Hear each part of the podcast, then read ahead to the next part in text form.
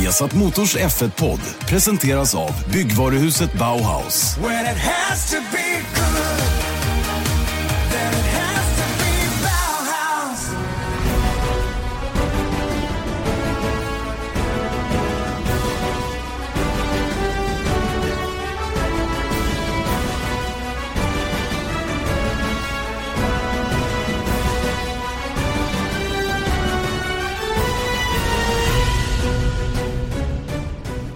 Mycket välkomna ska ni vara till en ny Formel 1-podd på Viasat Motor.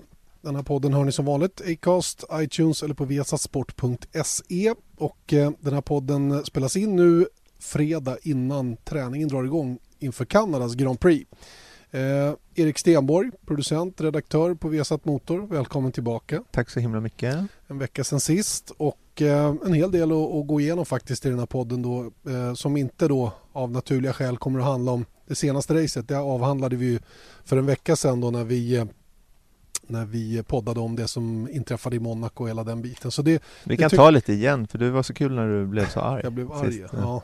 Ah, jag vet inte. Jag har svalnat sedan dess så det är lugnt. Eh, men det finns mycket annat att prata om som, som naturligtvis har inträffat och eh, eh, framförallt så, så fick ju Formel 1 en ny stor sponsor igår presenterad. Vi fick ju en personlig inbjudan minsann Mm. utav Mr Ecclestone att gå på den här. Det känns alltid lite ballt så här, när man ser så här eh, A letter from, eller request from Mr Ecclestone eller någonting sånt. Då känner man sig lite större än vanligt. Ja, sen så ser man att det går ut till kanske 700 pers eller någonting så då, men Ja. det kan man bortse Det ifrån. kan man bortse ifrån. Hur som helst så är det ju eh, givetvis goda nyheter för sporten att en, en stor kommersiell aktör vill vara med och synas i samband med Formel 1. Mm. Eh, att det sen blir just Heineken då, det är ju en, en ganska dåligt bevarad hemlighet och vi har ju Mm. vetat om det här ganska länge, eller hur? Absolut. De, de ska vara med i, ja, de skriver på för fyra och ett halvt år. Fram till och med 2020. Så är det ja. Mm. Men vad tror du om det då? Det har funnits lite kritik runt att eh, Formula One Management liksom suger upp de stora varumärkena som hypotetiskt sett i alla fall skulle kunna hamna hos ett team istället. Ja, visst är det så. Och eh, vi har ju pratat en del om ekonomin i Formel 1 med Dieter Enken tidigare, den sydafrikanske journalisten som många gånger skriver politik och ekonomi på Autosport. Och han, han var inne på det här att eh, det är ju någonting som har svängt kan man säga. Eh, där, eh, där eh, man kan konstatera då att eh, det är FOM som signar de stora sponsorerna. Mm. Och de pengarna som de eh, genererar går in i den här potten som sen betalas tillbaka till teamen i den här skeva utbetalning som vi har redogjort för tidigare.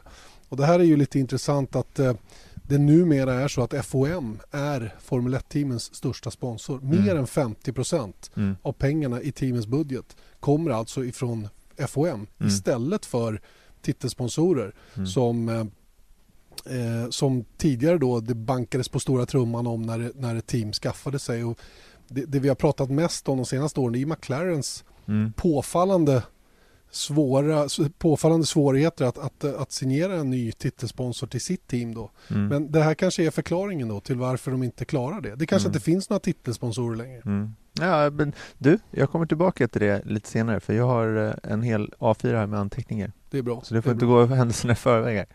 Eh, men hur funkar det då? Alltså, vi vet att eh, teamen får, där vet inte jag hur det funkar. Nu ska Italiens GP vara första racet som Heineken är med på och då ska det heta Formula 1 Gran Premio Heineken d'Italia 2016. Just det.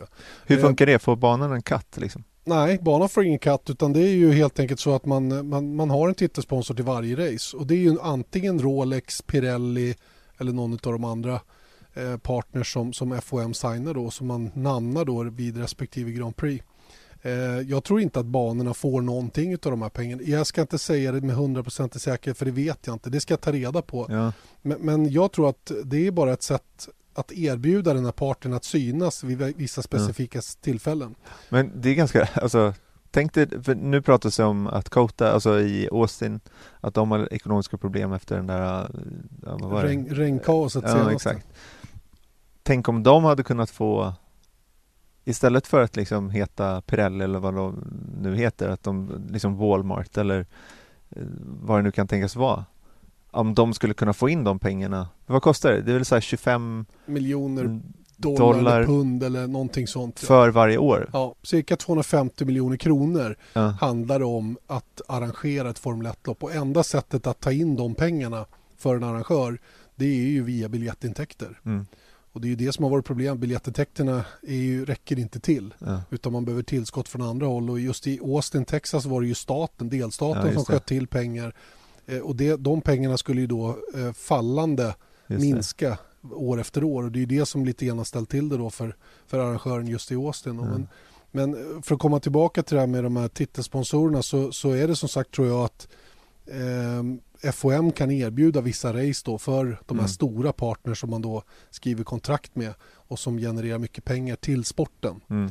Visserligen också till CVC, det vill säga Ja, halvägaren. Ja, då, det är eller klart. 40% av pengarna går ju bara rakt ut i, till någon annan som betalar sina lån Ja. eller vad de nu gör. Ja. Och den resterande delen då delas ut enligt det här som vi har redogjort för många gånger nu. Eh, dels eh, i konstruktörs-VM Ja. Enligt en ganska rakt fallande skala beroende på prestation men också de här specialavtalen då som, som finns som, som vissa team då har, har tecknat med, med Mm. Björn Eckestone och FOM. Men det är lite konstigt ändå, för nu, nu, det slog mig nu att tänk dig på alla arenor, eller till och med i, i Sverige, Ericsson Globe eh, och i liksom, eh, okej, Madison Square Garden dök upp men den, den har ingen, men eh, liksom Pepsi Center, Bell Center Bell i, Center i i Montreal. Montreal, eh, Consol Energy Center i Pittsburgh som Mm. spelar Stanley Cup-final.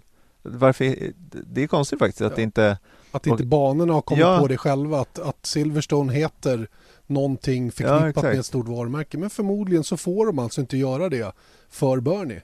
nej, För man måste han- kunna döpa banan till vad man vill. Ja. Jag, jag har ingen aning hur vad det står i kontrakten som banorna skriver med FOM för att arrangera ett Formel 1-lopp. Men Nej. det troliga är ju att de är hindrade att göra något sånt för att Bernie vill ha den Ja. kakan så att säga. Eller Ja. han vill inte ha någon konkurrens på det området. Tänk dig Magneti Marelli Monza. Autodromo Monza. Mm.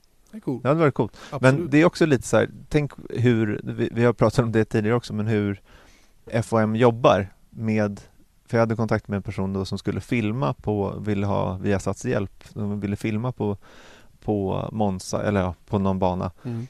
Men då var det två veckor innan eh, racet kommer dit och en vecka efter då äger liksom FOM allt som filmas. Så att liksom, då måste du ha avtal för att filma på banan. Två veckor innan. Mm.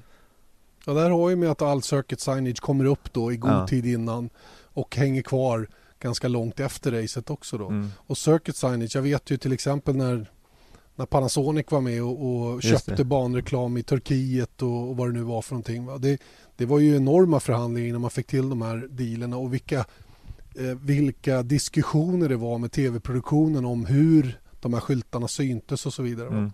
Och det där är ju... Eh, på något sätt så tror jag att det här ändå har varit bra för teamen. Att det har gått den här vägen till att det är en aktör som signar väldigt stora avtal.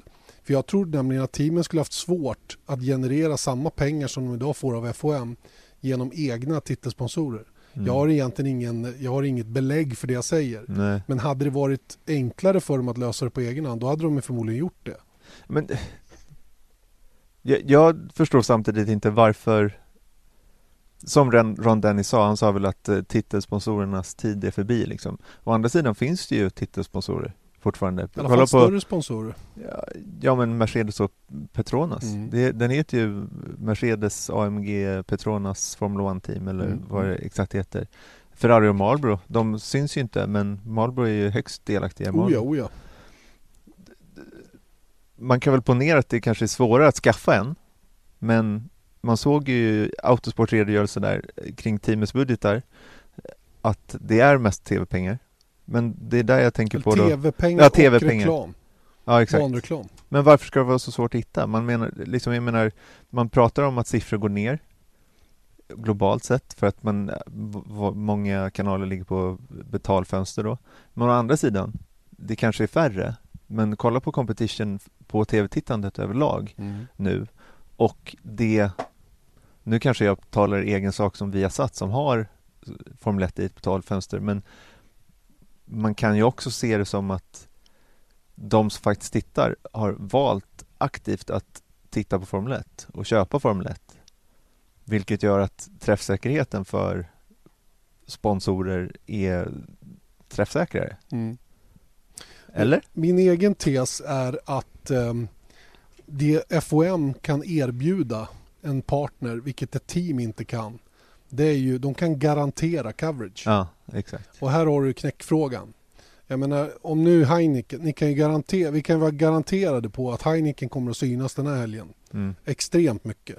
Redan efter det här eh, uttalandet eller bekräftelsen igår om att Heineken kliver in så kommer ju skyltarna upp längs banan Mm. och, och de kommer ju synas jätte, jättebra givetvis. Mm. Och Bernie kommer ju garanterat att ha order ute till produktionen att lägga sådana utsnitt så att Mm. de här skyltarna syns. Mm. Eh, om vi tar Sauber då som är ett team som, som är cash strapped som det Ja. heter. Dem. Dåligt med pengar. Och så skriver de ett avtal med en större sponsor.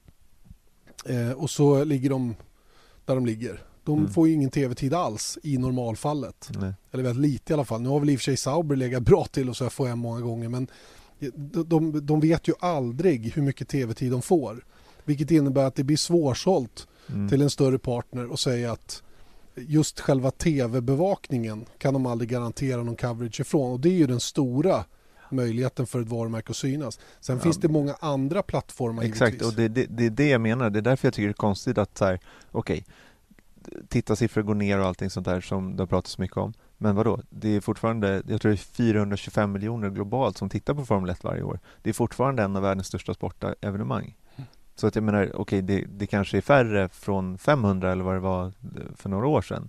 Men det är ingen dålig tittning. Och alla andra plattformar finns ju.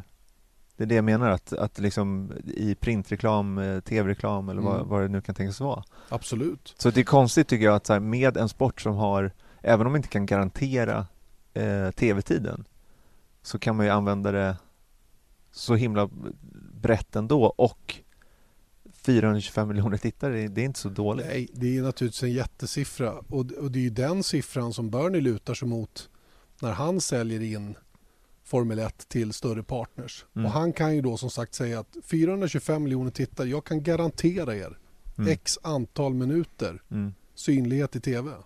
Mm. Eh, jag tror inte att det här kommer att, att liksom ta fart, den andra typen av sponsring, förrän de kommer fram till att allt, eh, allt som finns på sociala medier släpps fritt. Mm. Eh, Men det man- ska ju Heineken också. Eh, Exakt, jag tänkte Ja, komma ja, till det okej. att de, de har ju en ny filosofi som kommer att ta Formel 1 till nästa steg. Mm. Säger de själva i alla fall. Mm. Eh, i, I och med sociala medier och sådana saker. Va? Men det är ju det som är så knepigt idag. Att Bernie stänger allting. Alla klipp, allting där en sponsor kan synas. Klipp Och, och som för man- oss, om vi vill lägga ut någonting rakt på Facebook så får vi inte det. Nej, Vi måste ha det på våran, vi har ju rättighet för x antal minuter på webben. webben, men då Hey, I'm Ryan Reynolds. Recently, I asked Mint Mobile's legal team if big wireless companies are allowed to raise prices due to inflation. They said yes. And then when I asked if raising prices technically violates those onerous two year contracts, they said, What the f are you talking about, you insane Hollywood ass? So to recap, we're cutting the price of Mint Unlimited from $30 a month to just $15 a month. Give it a try at mintmobile.com slash switch. $45 upfront for three months plus taxes and fees. Promo rate for new customers for limited time. Unlimited more than 40 gigabytes per month. Slows. Full terms at mintmobile.com. kan vi inte lägga ut det rakt på, Nej, vi på vår Facebook-sida, vi måste länka det vidare. Ja. Och det här är ju lite, det är ju lite trixigt för att eh, om de nu släppte allting fritt att Bernie då, är, jag menar att han bestämde sig för att okej vi, vi släpper allt nu, det är fritt fall. Mm. Vi visar rubbet. Mm. Och de siffrorna som man då kan visa upp blir så pass attraktiva att sponsorer tänker att ja men det här är bra. Mm. För då, då, kan, då kommer de säkert att köpa egna fotografer som lägger ut klipp från just Sauber, från Force India, från Manor eller vilka det nu kan vara. Ja. ja. Och, och, och via sina egna sociala medier kreera då eh, täckning eller, Mm. eh, eller bevakning av ett varumärke till exempel. va. Så Mm. att, eh, ja, det där, är, det där är, en, det är en svår nöt att knäcka hela den här businessmodellen för Mm. Formel 1 och det här är ju någonting vi har pratat om så himla många gånger. Mm. Att, Men det att, dyker eh, upp mer och mer, så det finns ju, eh, typ som nu, det, det väcker tankar. Ja, visst gör det Mm. det.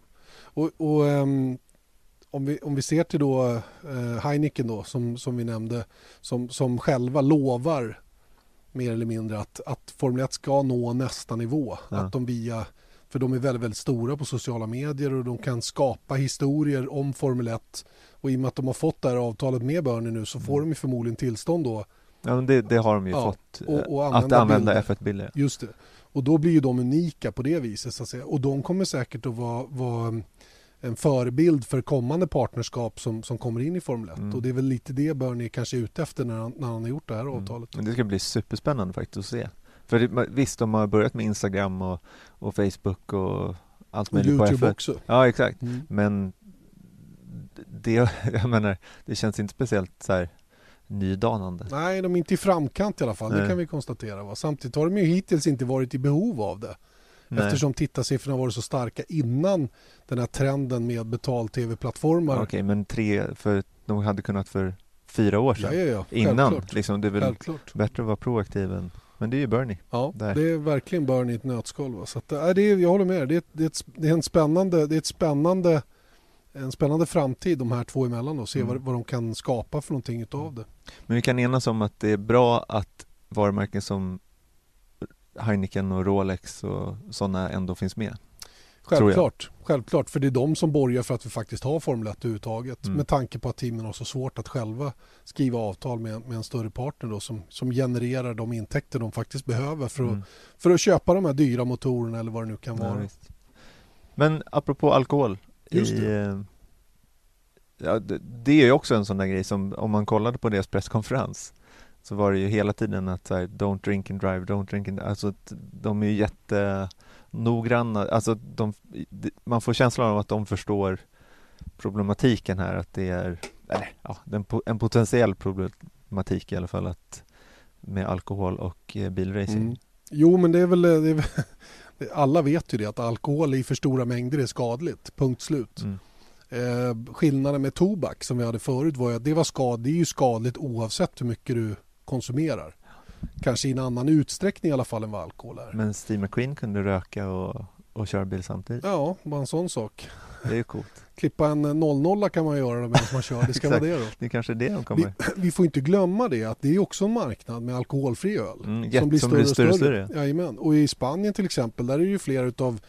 eh, Ja, Toro motor- Rosso har ju... Just det, Eh, vad heter den? Estrella va? Eh, Ja, Estrella 00 mm. eller vad heter Och flera av MotoGP-förarna då som, som har sponsorship ifrån spansk, spansk näringsliv har ju också öl, 0,0 öl så att säga. Mm. Som, som, eh, som Kanske man då, blir det på, på signage. Vem vet, vem vet. Jag vet inte riktigt hur framtiden ser ut för alkoholreklam. För, för det intressanta är att jag uppfattar i alla fall utan att veta det exakt att det har lättats lite grann på vad som är tillåtet att göra reklam för i tv. Mm. Samtidigt så pratar man då om att det här var inte så smart kanske att, att skriva ett stort avtal med en, med en öltillverkare vars ambition givetvis är att öka försäljningen. Mm, ja, Annars så skulle de ju aldrig gå in i det här.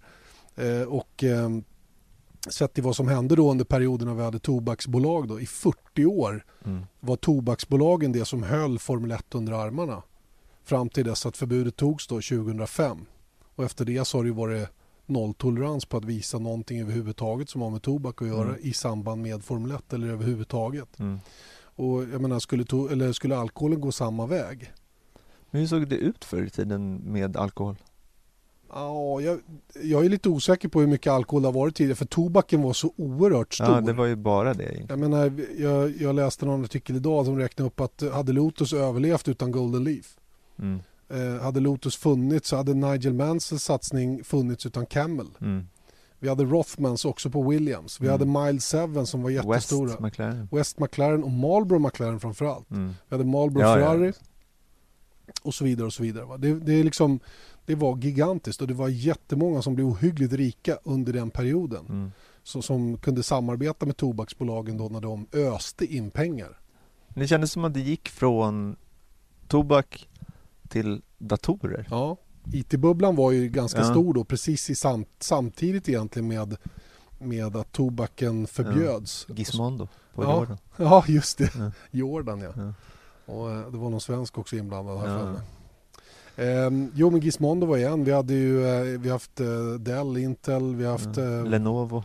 Lenovo. och Vi är inte massor- sponsrade av, eller Janne är inte sponsrad av de här, vad jag vet. Nej, i alla fall. inte än i alla fall. Väldigt mycket varumärken. Ja, men jag drar ju många varumärken så alla får sin beskärda del. exakt. Ja, Det är, bara, det är bara att mejla Janne sen. Exakt, Ja. exakt.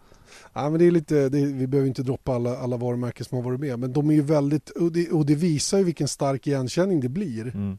att vi faktiskt kan sitta och räkna upp de här varumärkena Mm. för att de har suttit på en Formel 1-bil. Men det får mig att tänka på en annan grej. Att jag undrar över hur F1, det känns också nämligen lite gammalmodigt på något sätt, hur Formel 1 och kanske Formel 1-teamen exponerar de varumärken man har. Om man tar Nascar som jämförelse.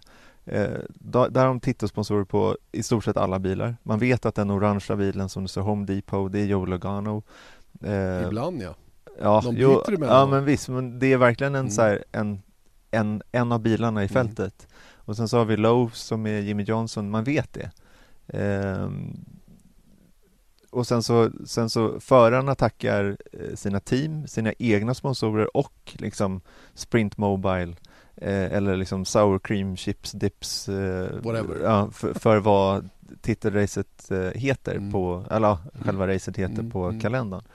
Ehm, förutom att man har hört liksom Mercedes Petronas Formula One-team, har du någonsin hört Hamilton inkludera Pirelli eller Bose eller Blackberry eller vad det nu kan vara när han har vunnit? Aldrig. Det, det känns ibland som att F1 har klistermärken på sina bilar som inte ens förarna vet vad det är för någonting. Nej, men jag tror att det stämmer väldigt väl. Att, att det, det, är liksom, det, det är på något sätt att det göms undan snarare än att det lyfts fram. Ja, att det är så här, det, det är någonting som man har Mm. liksom. Mm. Men samtidigt är det så oerhört centralt i all form av motorsport. Så att det är konstigt att det är nästan så här, det kommer lite i sk- skymundan. Alltså är vi helt säkra på att Max Verstappen vet vad Roush gör för någonting? Nej, det är vi inte. Det tror inte jag. Eller ja, det, jag har ingen aning. Men, vi, men vi, vi kan backa. Det finns ju faktiskt en regel i Mm. Formel 1 att bilarna får inte ha avvikande utseende nej, i samma team.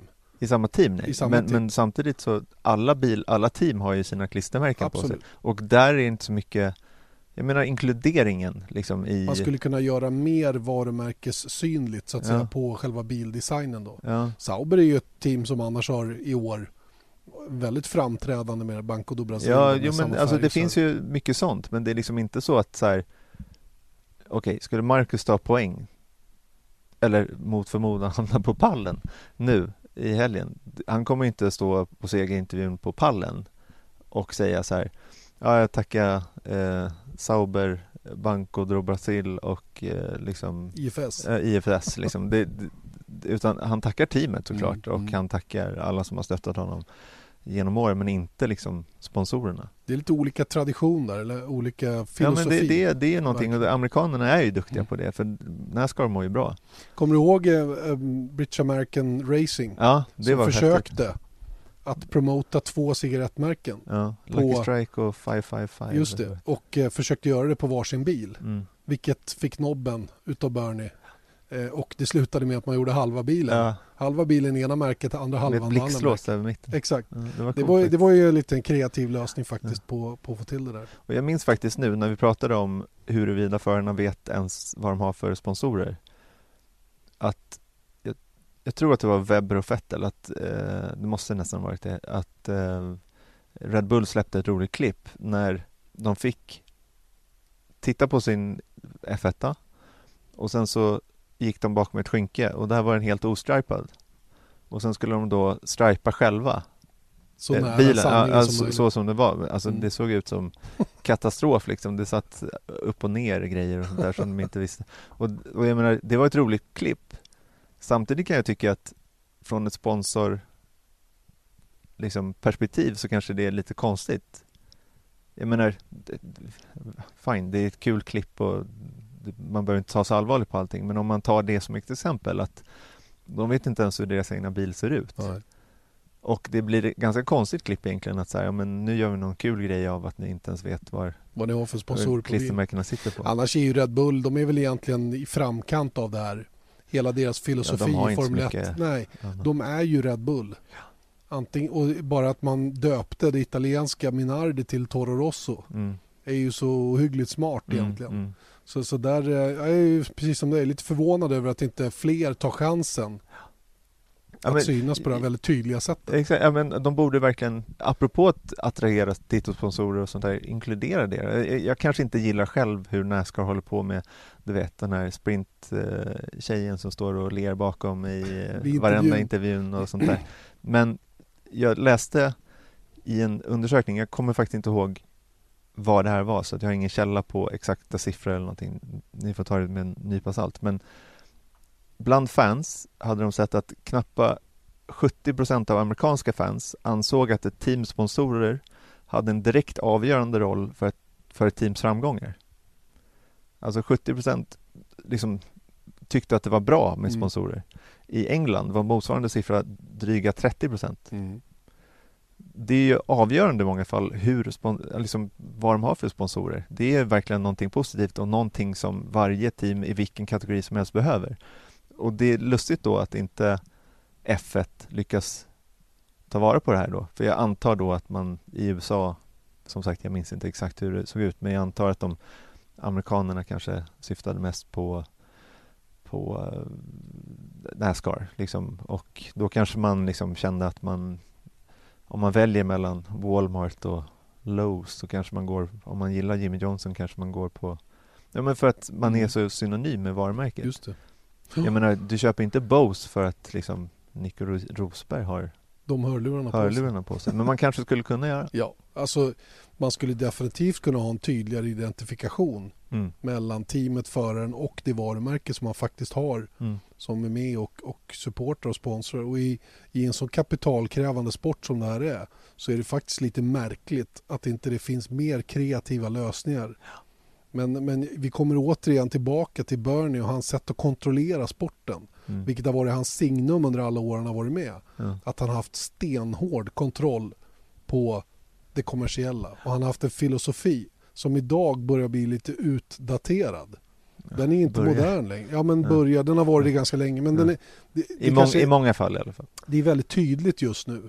Och eh, det senaste han har gjort då är ju då som sagt att, att eh, själv locka in de här stora partners då och samla ihop det till en jättepott Mm. som sen delas tillbaka till teamen då Mm. i vissa delar i alla fall. Och det gör ju faktiskt den här snedvridningen när det gäller utbetalningarna ännu mer Ja, sårbar för de mindre teamen. Som, där kan jag tycka att de alla har rätt till lika stor andel på något sätt. För utan att alla är med och kör så finns det inget mästerskap att marknadsföra. nej. Man Ja, borde men- kanske ha en större katt i alla fall, även Ja, ett mindre team. s- större katt har vi. Det, det är ju självklart. Mm, Alltså, man behöver en mer ekonomisk stabil grund att stå på. absolut. Helt klart. Men ehm, apropå nej men, det är det jag menar med att bara tacka sina sponsorer som förarna, jag tror inte ens jag har hört det. Nej. Att så här, I wanna thank my sponsors eller någonting. Sen så kanske inte det är så nydanande egentligen och det kanske inte skulle göra bu eller bä, men det är en intressant tanke i alla fall. Absolut. Ja, sponsring är spännande och eh, en nödvändighet i motorsport inom all idrott. Jag menar, titta på fotbollslagen, de dealer som, som, som Manchester United gör för att ha AON på tröjan Ja. till exempel eller vad det nu kan vara, va? Hitachi eller vad det har varit genom Ja. åren. Va? Det, det, är ju, det är ju så stora summor pengar så att det är helt osant. Mm. Och, och bara titta på antalet t-shirts som de säljer. Jag menar när, när David Beckham skrev på för Real Ja, Madrid, exakt, de hade väl betalt notan för honom bara på en vecka. Ja, Bara i t-shirtförsäljning. ja. Med alla de här varumärkena på. Och i Milan och i PSG när han spelade där. Men, och där kan de garantera tv-tid. Exakt. Ett lag syns ju. Alla, eller två ja, lag men syns. det är bara två lag och, och jag menar Mm. alla spelarna i ena laget har i alla fall samma kläder. Mm. Ja, nej, det där är, det är högintressant på alla sätt och vis. Då. Men apropå framtid i F1 också, då, eh, apropå Bernies ganska gammelmoda modiga sätt att se på ny teknik och sånt där så har jag hört att de testar eh, lite VR, alltså virtual reality lösningar tillsammans med Sky. Vad betyder det? Virtual reality? Ja, men alltså vad betyder det att de te- vad testar de för någonting? Ja, det, det, man vet inte så mycket om det, men det har ju kommit ut att ja, men kanske i framtiden kommer vi kunna ta på oss våra headsets och sitta i bilen liksom, Just det. och titta runt. Och, Mm. Ja, 360-kameror och sånt har man ju provat vet jag ja. tillsammans med Sky. Och, Ja, men jag sådana menar live-mässigt då, att man Mm. skulle kunna kanske på F1-appen eller, eller via Play eller vad det nu kan tänkas bli. Vi kommer ju bägge ihåg eh, eh, 3D-testet som man gjorde under en av Mm. testerna nere i Barcelona. Såg du det? Ja, jag har inte sett det i verkligheten på Nej. TV. Men Jag gick ju faktiskt in i den eh, bussen när vi var där nere och det var faktiskt, ah, jo men det var coolt. Det Mm. tycker jag var, faktiskt var. nästa steg. Men 3D kändes ju som att man får ju se vad vi- virtual reality blir också. Det investeras ju enorma summor världen över nu i VR. Tänk att få sätta på sig där glasögon och se racet på det sättet bara. Men skulle du göra det då? Det Ja, det, jag. jag, tän- jag tänker bara på så här, skulle man sätta sig i soffan och bara, Om, jag, om jag fick utrustningen gratis. mm, men det Att får den du. var ja, men låt säga att den var Ja. subventionerad av någon. Typ som eh, alla digitalboxar var när vi började gå över i digital-tv. Vilket misslyckades på radiosidan till exempel. Mm, När det där DAB skulle införas. Det var ingen som ville bygga några DAB-mottagare. Och så då blev det inget DAB. Så vi sitter fortfarande och sänder radio analogt. ja. Vilket är helt korkat egentligen. Eh, Så, så kan man få till en sån lösning att visst, köp det här abonnemanget så får du, VR, får du Mm. VR-utrustning för hela familjen. ja visst. Men du, jag tänker också på, tänk att man skulle kunna, jag vet att de bygger någon form av eh, eh, virtuell stadion i Turkiet, i Istanbul och jag vet inte hur det där ska funka men man skulle kunna köpa, alltså Heineken Gran Premio d'Italia skulle kunna sälja biljetter Mm. och då är det bara en plats ju. Då sätter de ut en sån här VR-kamera på en läktare eller i pitlane eller vad som helst. Och sen så får du köpa så här, men det kostar 50 euro Mm. för varje person. Och så får du liksom the best seat in the house. Mm. Ja, vad häftigt. Ja. Det finns ju möjligheter i alla fall. Ja, men det gör det definitivt. Ehm, Kanadas Grand Prix, vi kan, vi kan beröra det lite grann i alla Nej, fall när vi, Nej, när det vi kommer nu har avhandlat sponsringar. Precis, det kommer ju under eftermiddagen här, 16.00 eh, börjar ju första träningen och ehm, vad är det sen 20.00 andra träningen som den drar igång. Eh, och ehm, första dagen då inför, inför Kanadas Grand Prix där det för övrigt har varit väldigt kallt och Mm. regnigt men idag soligt, klarblå himmel. Förhoppningsvis lite högre temperaturer. Eh, Jag hörde Eje säga i vårt magasin som ligger på viasasport.se att ehm, det är en ostadig prognos för, för resten av helgen. Mm. Så att eh, det återstår att se lite grann vad som kommer att hända. Det kan bli spännande alltså med eh, lite regn i Kanada. Ja, alltså, man kan ju inte glömma 2011. Nej. Eh, Jenson Buttons seger där när han lyckades slå Vettel på sista Ja. varvet. Det är, ju, det är ju ett race som jag aldrig kommer att glömma. Nej. Den här ohyggligt långa sändningen. Ja, just det. det, var det Eh, också. höll på i över fem timmar och det var två timmar regnavbrott. Vi satt och pratade i all oävighet Ja. med, mm, om ditten och datten och försökte få sändningen att rulla på bara. Facebook-frågor. Eh, vet du varför det är så svårt att kunna köra när det har kommit så kraftigt regn just på eh, Ile Notre Dame, alltså på, eh, på banan där, Circuit Gilles Villeneuve? Det är för att när man byggde den här ön, avrinningen trodde jag var ju rätt ner i floden. Ja. Nej, nej. De har byggt cisterner under Aha. och avrinningen rinner ner i cisternerna som blir fulla efter ett tag. Vilket gör att vattnet sen inte försvinner. Det måste liksom försvinna av sig själv eller dun- Ja, att okej, torka upp helt enkelt. Varför har man Eh, gjort så? Ja, det var för att av miljöskäl antagligen att man inte ville att det skulle rinna ut i, i floden. Ja. För det ligger ju mitt i floden. Man tycker ju fasen det måste vara världens enklaste sak att få dagvattnet att rinna ut i floden. Kanske är någon sån här rodd-grej? Ja, det är möjligt. Alltså den här roddammen som går mitt i... Just det. eh, i- Roddstadion ja, som är Ja. bakom paddocken. Mm. Där man eh, hade roddtävlingen under olympiaden 1976. Mm. Ja, det, det är i alla fall Du såg anledningen. stressad till- ut när du sa 76. Ja, men jag var tvungen att tänka efter lite grann. Men det var ju faktiskt där Ja. Anders Gärdrud vann 3000 meter hinder till exempel. Var inte Bernt Johansson, Bernt vann Johansson? guld på cykel. Ja, Ja. det, var, det var ett bra OS. Bra, nu fick vi in lite OS-puffar också. Exakt, Mm. exakt. Ni vet att ni ser OS på Viasat. Mm. Visst. Eh, hur den är så ska det bli spännande att följa den här helgen då. Och eh, det har ju skett en del. Ferrari till exempel kommer med en ny uppdaterad turbo. Mm. Något som de har haft problem med. Pratade lite med Marcus om det där faktiskt. Han har ju lite mer insyn i, i problemen som Ferrari har haft med sin nya motor då som man tog fram till i år. Får han Som var- säga något? Ja, det, det kan han väl inte egentligen. Men, men grejen var att den här nya motorn som man tog fram var en ganska radikal förändring. Man flyttade om eh, mycket av eh, delarna på motorn, gjorde den lite högre, lite kortare och den såg lite annorlunda ut. Kylningen hamnade lite annorlunda. Och allt det här var ju för att eh, förbättra vissa delar som man tidigare uppfattade som lite svagare då. Till exempel MGUH Mm. och turbon. Hybridsystemet alltså. Precis, och det där är ju en viktig del utav det eftersom MGUH har ju fria hästkrafter. Det finns ingen begränsning i hur mycket hästkrafter man kan, man kan generera därifrån under förutsättning att turbon inte snurrar mer än 250 000 varv per minut. Mm. För det är begränsning på turbons effektivitet. Eh, och det är ju där som jag tror att Mercedes har varit starka förutom att de redan från start hade den här självantändningen utav bensin, alltså högt Ja, tryck i förbränningskammaren då, som Ferrari införde förra året i Kanada just. Och eh, kan Ferrari få bättre fjong på det där och kunna ha mer energi tillgänglig under hela varvet eh, till exempel i Kanada så tror jag att det kan vara en avsevärd fördel.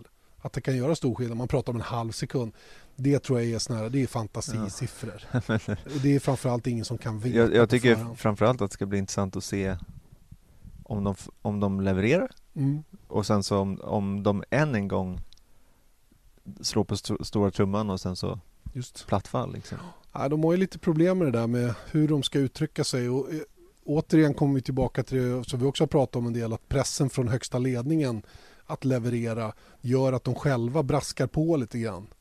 Men det är konstigt ändå, jag tycker det är så konstig logik i Ja. att så här, ja nu hoppas vi på någonting så då, då kör vi järnet Mm. på det. De enda som är någorlunda nyktra kring det här, det är ju förarna själva. Ja, Kimmy på presskonferensen igår sa ja, ja, det, finns inga mirakel att, att hämta i det här. Nej. Däremot är det ett steg i rätt riktning och det tror jag att det är också, Mm. självklart. Men eh, det är fullständigt klart och det har jag fått bekräftat från Marcus att just MGUH och turbodelen, ERS-systemets fria del, har varit svagheten i den här nya motorn så här långt. Mm. Och det är det som har gjort att den inte har levererat det man trodde den skulle leverera på förhand. Och det har ju varit några turbohaverier också eftersom man har tvingats köra turbon för hårt. ja. Men det var ju i bör- de fick ju en uppdatering va? Ja, det var... För det var väl i, eh, var det till Spanien va? Men det var ju Fettel som inte ens kom ut till start Ja, det var i Bahrain. i Bahrain. Och sen hade vi turboras för, för Kim i Australien. ja, Så det har varit lite sådana grejer och, och det har gjort att man har fått trimma ner ja. och då får man inte ut den effekt som man behöver Mm. för att kunna hänga med Mercedes. Till exempel på ett kvalvarv eller vad det nu kan vara. ja. Har Sauber andra versioner nu? Eh, Sauber har den andra versionen. Eh, I alla fall Marcus. Ja. för, eh, för Felipe Nasers andra versionsmotor gick ju i småbitar Ja, i Monaco. det. Eh, oklart om den går att reparera och använda igen. Jag tror inte det, men, men Ja. för det var ett ganska dramatiskt haveri i alla fall som man råkade ut för. Så för I Nasers fall så har han gått tillbaka till första motorn. Ja, okej. Eh, åtminstone körde han med den i Monaco. Sen vet inte jag, jag har inte sett någon bekräftelse på om han får en ny motor till den här helgen eller inte. Får Eje svara på i sändningen i Det får han göra. Så det är bra att lyssna på den. Ehm, vad har vi mer? Mercedes eh, kommer att testa en ny low drag bakvinge. Mm. En sån banan, Mm. bananlösning. Den är ju tänkt att köras i Baku Mm. som är en riktig högfartsbana trots att det är en stadsbana. Varken Haas eller Sauber kommer ju få den senaste versionen i Kanada eller i Baku? Nej, det tror jag inte. Jag tror att det kommer att dröja ett tag innan de väljer att ta den här senaste versionen. Det handlar nog inte om att få, Mm. utan det handlar om hur de väljer att göra. För det handlar ju om den strategi man har för Ja, användandet just av motorer under hela säsongen. Så att det är nog helt säkert så man, man har en plan och den håller man sig till om man inte tycker att det är värt att chansa. Mm. Om man ser att tillförlitligheten finns då i den här nya uppdaterade. Och där får ju Ferrari agera lite testpiloter då, så att Mm. säga. Eh, Som sagt, Mercedes eh, kommer med det. De ligger inte på latsidan. De är hårt pressade nu. Eh, Red Bull kommer också starkt. Återigen så vet jag inte om Max Verstappen också får den nya motorn nu. Det kanske, det kanske är ute de nyheterna redan. Jag har läst att alla fyra Okej, alla fyra Renault-bilar kommer köra nya samma, Renault-motor. samma spec. Ja, men det är bra. Då har ju alla den här nya eh, självantändningstekniken då i Renault-motorn då som enligt uppgift ska vara värd en hel del varvtid i alla fall i deras fall också då. Vi, vi, får väl, eh, vi får väl helt enkelt avvakta och se om det stämmer. Eh, Vi tjuter på ja, luren. det piper lite. eh, hur det än är med den saken så, så är man ju i alla fall lite nyfiken på vad, vad Red Bull och den här nya Renault-motorn kan göra här i Kanada. Mm. För det är ju här de kan ha nytta av mer hästkrafter så att säga, mer än vad man hade i Monaco. Ja, verkligen. Eh, läste Är det också- en motorbana? Alltså, Ja, jag menar med accelerationerna Ja, som... men det, fram, den är bensintörstig Mm. och det är ju en motorbana.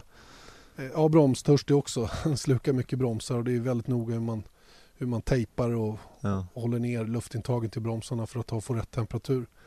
Eh, och blir det kallt den här helgen, för man använder ju bromsluftintagen för att värma fälgarna Mm.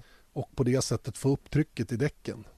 Och det där eh, kan ju också vara någonting som man laborerar med under träningen och ser att det funkar eller inte funkar. Och de som snabbt får upp trycket till, till arbetstryck så att säga, då, de, de kan ju börja pusha tidigt. Medan andra då får jobba lite hårdare för att komma in i fönstret. Då. Jag älskar att det är tejp. Ja, det är fortfarande Att det- typ gaffatejp. Ja.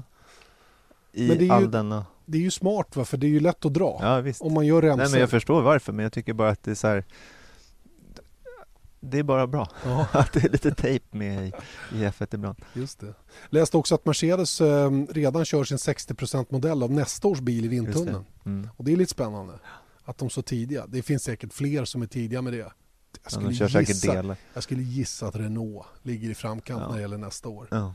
Jag menar, visst, de har en ny bakvinge till den här helgen eh, på Renault-bilen. Men eh, det måste ändå vara så att väldigt mycket fokus ligger på nästa år. Mm. Speciellt när man ser hur dålig årets bil faktiskt är. ja, och hur mycket energi man ska lägga på den.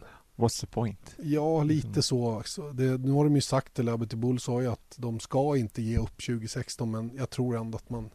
Men det är väl sånt man säger, man, säger väl inte så heller, nu ger vi upp. Alltså det blir ju jättekonstigt på, av andra Absolut. anledningar. Så det är väl de, de stora grejerna som, som vi har lyckats plocka upp så här långt då när det gäller Kanadas Grand Prix. Resten får vi givetvis följa under träningen och försöka se tendenserna. Eh, roligt tycker jag att man kör Ultrasoft en helg till. Mm, mm.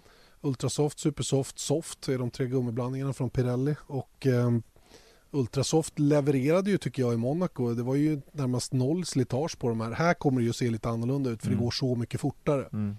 Så att eh, vi får väl se hur mycket de står pall. Ja. Nej men det, det är ju, är det några avvikande strategier? Ah, Jag tror inte att det var det egentligen när det gäller däcken. Det, det är så här uppfattar jag det som i alla fall att det där brukar jämna ut sig. Det är bara på fredagen som det kan Ja. avvika lite grann. För när man kommer till lördagen då har alla ungefär samma antal däck kvar. Mm.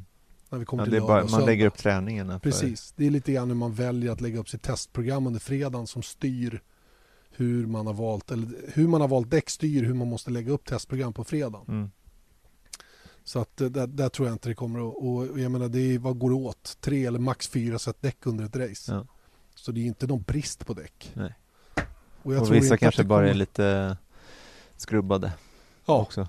till exempel. säkert flera. så att, nej, det blir, och för ett, Och regnar det så då är allting löst. eh, som för Marcus och dem så är det ju helt lugnt för de kör ju bara Q1 Mm. sannolikt. Ja. Och regnar det så är det okej Ja, av andra är det- anledningar också. Då är det väldigt mycket mer gott om däck så att Ja. säga. Då. Eh, Så det om Kanadas Grand Prix. Det finns inte så mycket mer att säga om det innan det drar igång egentligen. Eh, Jag tycker vi kan eh, landa lite grann i silly season Mm. som jag tycker är lite spännande nu för att eh, jag, jag satt och funderade lite på kammaren här hur många det är som faktiskt har kontrakt för nästa säsong. Eh, under förutsättning att jag har rätt uppgifter då. Men, Mm. men som jag vet bergsäkert så har Lewis Hamilton kontrakt. Ja. Jag vet bergsäkert att Vettel har kontrakt. Jag vet med, med säkerhet att Nico Hülkenberg har kontrakt. Mm. Eh, Jag vet också med säkerhet att Max Verstappen har kontrakt ja. för nästa säsong. Eh, halvt ja, halvt exakt. bekräftade är Daniel Ricciardo. Men det kontraktet är prestationsbaserat på årets säsong. Både när det gäller Ricciardos prestation och vad teamet kan leverera i form av bra bil. Ja.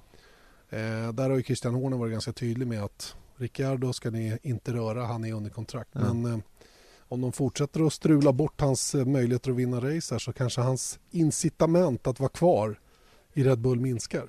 ja, men jag tror samtidigt att han går inte till Ferrari Jaså? nu. Nej men jag tänker, det här är ju än en gång, det är bara magkänslor.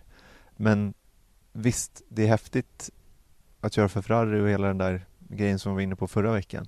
Men jag tror nu när man sett honom förlora två vinster och hur tjurig han blev så tror jag att han är väldigt sugen på att vinna. Vinna VM snarare än att köra för Ferrari. Ja, Mm. i varje fall i första läget. Sen så är det mycket möjligt att eh, Ferrari säger att eh, ja, men vi, har, vi kommer vara guld 2017. Mm. Jag tror snarare så att om Rosberg går till Ferrari så kanske han går till Mercedes. Ja, det är en tänkbar ersättare. Sen har ju Mercedes också då sin Ja, men det bygger junior. på att Räikkönen också ska Ja, lämna. fast det är ju så här att Räikkönens vara eller inte vara i Formel 1 bygger på att alternativen är bättre eller sämre. Mm. Alltså han blir kvar om alternativen för Ferrari är sämre än Kimi Räikkönen. Och det skulle i min värld betyda att Ricciardo väljer att inte köra för Ferrari och att Nico Rosberg antingen förlänger med Mercedes eller, eller hittar på någonting annat. Jag, för, min, för mig kan Nico Rosberg bara köra för Mercedes eller i Ferrari. Ja. Men det är det jag menar, har de Rosberg, har Ferrari Rosberg Mm. på väg in, Mm. då fimpar de väl Räikkönen skulle jag gissa. Ja, ja, ja, ingen tvekan. Det är klart att det är så. Mm. Och det är det jag menar. att Det är ju ett, i min värld ett bättre alternativ för Ferrari. Ja. Men det är samtidigt en svår affär att få till. Ja. För det är mycket pengar. Och, och jag tror att Rosbergs sug att gå till Ferrari hänger på om han vinner VM i år. Mm. För har han blivit världsmästare en gång, då kan han lite mer avslappnat. Men blir han slagen av chansen. Hamilton för tredje året i rad så Ja, kanske han känner att nu måste jag göra något annat. ja, Ja. låt Nej, men det, det, du, har, du har rätt i det. Så kan det också vara. Det också kan vara en avgörande del för om man stannar eller om man, eller om man går till Ferrari. Mm. Men det är nästan roligare att tänka sig, okej, Rosberg går någonstans. Mm. Finns det någon annan än Ricciardo? Nej. Ja, nej, inte om man tar en toppförare. Nej. Men de har ju Wehrlein som, Ja. de, som de pushar hårt för eh, och vill ha in i Formel 1. Sen ja, om de väl du inne bedömer... på också, att de har inte, han har inte riktigt så här varit Han har en klart lysande stjärna. Nej, det har han verkligen inte varit. Och, och ehm, han är bra, det är ingen tvekan om det. Man vinner inte DTM om man inte är duktig. Och, Nej. Och man är- syns inte i Manor heller. nej, lite det också. Att, att ehm, vi vet ju inte riktigt hans kapacitet förrän han faktiskt mäts mot Lewis Hamilton i Mm. likvärdigt material. Mm. Tänk om Verstappen hade suttit i Manor. Han hade Till inte exempel. kunnat göra några... Det där är roligt att du säger.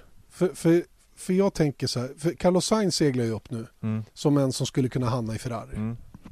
Och, och då tänker jag så här, ja men Carlos Sainz, i, med handen på hjärtat, är han bättre än Marcus Eriksson till exempel? Eftersom vi är svenskar så pratar vi gärna Marcus. Mm. Och Marcus kontrakt går också ut. Är han bättre än Marcus? Eller är hans möjligheter att marknadsföra sig bara bättre? I och med att han kör i Toro Rosso, som uppenbarligen har en väldigt bra bil. Och det här beror, på, jag... beror på vad man baserar bedömningen på. Ja, Som exakt. vi var inne på förra veckan, om det är hans CV i GP2 eller Sainz Eller CV vad han gör i Formel Formel 1. Ja. Ja. Och det där tycker jag är jätte, jättespännande. För att eh, man brukar ju säga att ja, man måste börja i ett team långt bak och sen jobba sig uppåt. Mm. Och hur länge har man tid att hålla på med det innan man får inse att man inte kommer upp i något toppteam? Fråga Nico Hülkenberg till exempel. Som har harvat runt i diverse team utan att komma någon vart. Och helt plötsligt så är Carlos Sainz då eh, i alla fall eh, ryktesmässigt aktuell för att köra för Ferrari till exempel.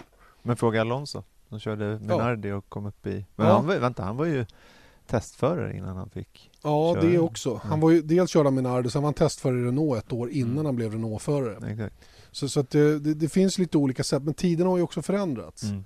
Så det, det ser lite annorlunda ut idag än vad det gjorde då. Men det är jätte, jättespännande det här vilka möjligheter man har att, ehm, att eh, ehm, vad ska jag säga, eh, visa upp sig så att man blir ja. attraktiv. Och, ehm, och ja, det där, är, det där är en hård nöt att knäcka för ett management. Vilken väg ska man ta? Ska man vara nöjd med att bara ta sig in i Formel 1 och hoppas att det räcker? Mm. Eller måste man sikta högre som typ Verstappens management gjorde? Som ställde superkrav Mm. Och, och fick igenom de här kraven och nu sitter i toppteam redan andra säsongen. Ja. Där... Alltså Verstappen är ju en avart i, Ja, i, på, på alla såklart. sätt med tanke på hur han... Han ställde krav redan innan han körde en många meter F1-bil liksom. Mm. Så att eh, det, kanske, men Ja, nej men det är svårt. Alltså det, är den där bedömningens frågan igen. Verkligen. Och eh, det blir lite kul faktiskt att, att följa det här eh, framöver med, med silly season. Och om vi då, de här fyra som jag räknade upp, eller fyra och en halv, säg fem då. Ja. Så ska resten av griden formeras under den här silly season. Mm, Och vem kommer att, att låsa upp dörren mm. till det här rummet? Det blir... Det eh, räcker med en. Ja, det kanske gör det. Mm. Det kanske räcker med en. Jag tror att sån som Grosjean och Perez som också pratar som ersättare till Kimi Ferrari, de är, det tror jag inte ett dugg på. Nej. Ferrari kommer att sikta högre när de väl bestämmer sig så att säga. Alltså jag, jag, vet inte, jag tycker ändå att det skulle vara ganska kul att se Grosjean i Ferrari. Ja, Bara för att han kommer vara mäkta laddad i alla fall. Mm. I så fall. vi ska... Men du- ja, Nu ska jag ställa en fråga till dig. Ja. Du får inte tänka, du ska bara svara. Ja. Vilket team sitter Marcus Ericsson i 2017? Renault. Renault? Mhm. Vore coolt. Ja. Eh, Då säger jag också det. ja men det, det säger jag direkt. Ja. Renault, det är, i, min, i, min, i min hjärna så sitter han i Renault nästa år. Mm. Jag har inget egentligt belägg för det mer än att liksom, den möjligheten finns. Ja. Och att han eh, har presterat så pass bra i år. Han borde vara, vara tillräckligt attraktiv på marknaden. Mm. Det vore, vore kul. Du, eh, innan vi rundar av den här podden som har blivit lång nu, riktigt lång och härlig och mycket prat så ska vi prata lite, jag har punkter Mm. som jag ska runda av varje podd med framöver. Oh, nytt koncept. Ja, nytt koncept. Vi hoppas att det blir ett bra koncept i alla fall. Just i den här podden så eh, börjar med förväntningar. Jag kan fråga dig vad du har för förväntningar till att börja med. Är det en förväntning eller är det hela? Ja, du får ta vad du vill egentligen. Kanadas Grand Prix, förväntning. Förväntan. Från höft så, så apropå mot, motorer och Ferrari ska det bli kul att se om Räikkönen snurrar ut ur Kurva 10. kurva 10 för tredje året i rad. Mm. Det är spännande att se. För min egen del så är jag väldigt spänd på att se vem som sugs in i Wall of Champion först. Mm. För någon kommer att hamna där. Det måste vara en champion då eller? Ja, är, det det- det, är det det vi väljer mellan? Nej, Jag vet att vem som helst kan hamna där men Wall of Shame kan vi kalla den. ja, Wall of shame. Så är det ju. Så, det, så, så kan vi ta in vem som Mm. helst. Vem tror du då? Eh, Harianto. Någon som laddar lite? Mm. Jag tror Palmer. Palmer kan det vara också. Ja. Eh, vem tar pole? Hamilton. Och vem vinner? Hamilton. Jag tror att Daniel Ricciardo tar pole Oj, och jag tror att eh, Ricciardo vinner. oj. Ja, vi får se. Mm. Det måste vi komma ihåg till... Eh, du får redovisa även om inte jag är med nästa vecka. Ja, men det kommer det vara. Jag har redan bestämt. Okej, Du har inget att se. välja på. all right. Ja, det är kul. Vi tar därmed och rundar av den här eh, podden inför Kanadas Grand Prix och eh, säger på återhörande då poddmässigt om en vecka igen eh, inför Bakus Grand Prix och då ska vi redovisa också lite grann. Vi har några nya punkter då som vi har Mhm. baserat på den här helgens race. Ja, men det kommer vi till om en vecka. All right, tack ska ni ha så länge. Tack Erik. Tack, tack. Jag sätter på mig headsetet nu och kör. Eje, Eje har messat hundra gånger om att jag måste höra av mig. Och så skrev jag till honom medans vi pratade. För han sa, hör, hör av dig till mig. Så här, strax skrev jag. Och då fick jag till svar, okej skit i mig då stod det. Så han är lite småtjurig redan. det här är första gången som han är uppjagad över att du inte är på plats. Exakt, exakt. För normalt sett är det tvärtom. Så är det. Hörni, tack säger vi för den här gången och på återhörande om en vecka igen alltså. Vesat Motors F1-podd presenterades av byggvaruhuset Bauhaus.